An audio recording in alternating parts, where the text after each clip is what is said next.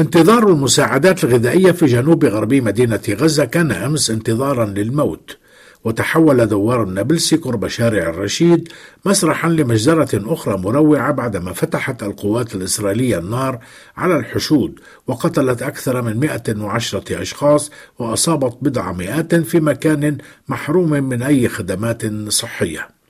لم تكن تلك الواقعة الأولى من نوعها فهناك سابقة مماثلة في دوار الكويت في المنطقة نفسها وأخرى في دير البلح ضد حشد ينتظر تعبئة المياه.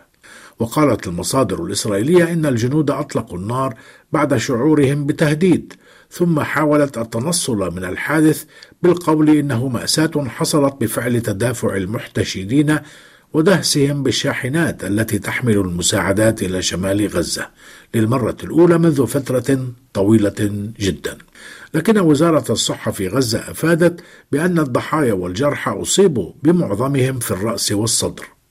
ولم تعلق الحكومة الإسرائيلية على الحدث إلا أن وزير الأمن القومي تمار بن غفير أعلن دعمه للجنود الذين أطلقوا النار ودعا إلى وقف إدخال المساعدات إلى قطاع غزة. فيما وصف البيت الأبيض ما حصل بأنه حادث خطير وتوقع لاحقا أن ينعكس تأخيرا في إنجاز اتفاق الهدنة وتبادل الأسرى فيما حذرت حركة حماس من أن الحدث قد يؤدي إلى إفشال مفاوضات الهدنة واعتبرت مصادرها أن المجزرة متعمدة للضغط عليها كي تسرع موافقتها على اتفاق باريس الذي تراه مخالفا لمصلحتها.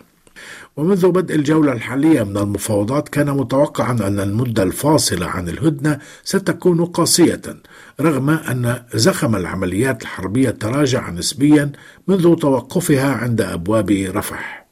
لكن التصعيد الذي استمر في مواجهات متقطعة بين الجيش الإسرائيلي والفصائل الفلسطينية انتقل للضغط على الوضع الإنساني سواء بمنع إدخال المساعدات أو باستهداف شاحنات الإغاثة ما حال دون مواصلة الجماعات الإنسانية عملياتها برا ودفع دولا كفرنسا ومصر والإمارات والأردن إلى التنسيق فيما بينها ومع إسرائيل للقيام بعمليات إنزال جوي مشترك للمساعدات. بل أفيد أمس أن البيت الأبيض يدرس منذ فترة استخدام هذه الوسيلة أيضا بطائرات حربية. ويفترض أن تكون إسرائيل قدمت قبل أيام تقريرها إلى محكمة العدل الدولية حول تنفيذها الإجراءات العاجلة الاحترازية ومنها ما يتعلق تحديدا بحماية المدنيين ونقل المساعدات إلى سكان غزة.